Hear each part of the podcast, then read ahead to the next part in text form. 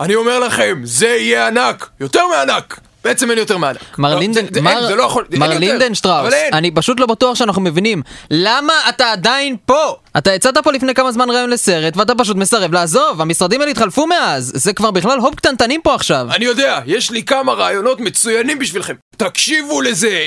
ערוץ הופ קטנטנים מציג, לייט נייט קטנטנים. האורח הבא שלנו זכה לאחרונה באוסקר האירופי על משחקו בביקור התזמורת. בבקשה קבלו את ששון גבאי. תודה, תודה, אני מאוד שמח להיות פה. תודה.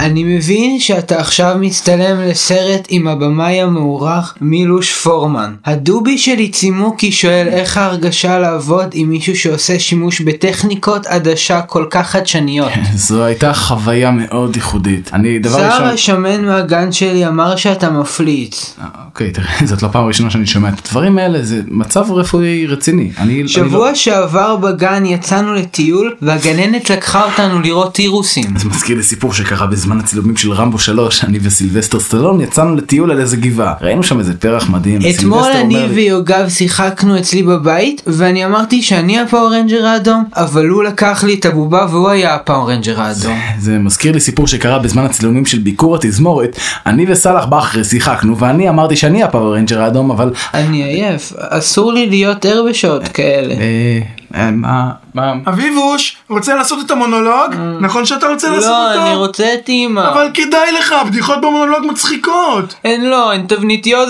ומאולצות. אביבוש, תחזור הנה. אה. אביבוש, אם אתה יוצא מהדלת הזאת עכשיו, אתה ודובי צימוקי גמרתם בתעשייה, אתה שומע אותי?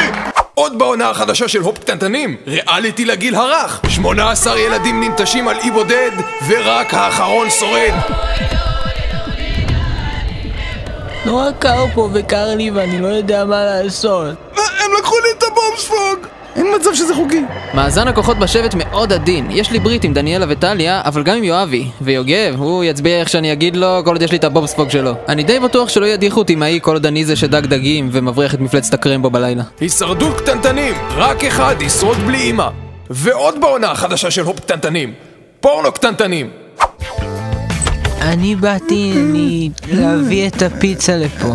יובי, משעמם לי, וגם נהיה לי בודד. אולי נעשה משהו ביחד. רגע, מי מי מאיתנו זה הבן ומי הבן? מי אתה הבת או אני הבן? קשה לדעת בגילאים האלה. כן. פורנו קטנטנים! אפילו אנחנו לא חושבים שזה חוקי.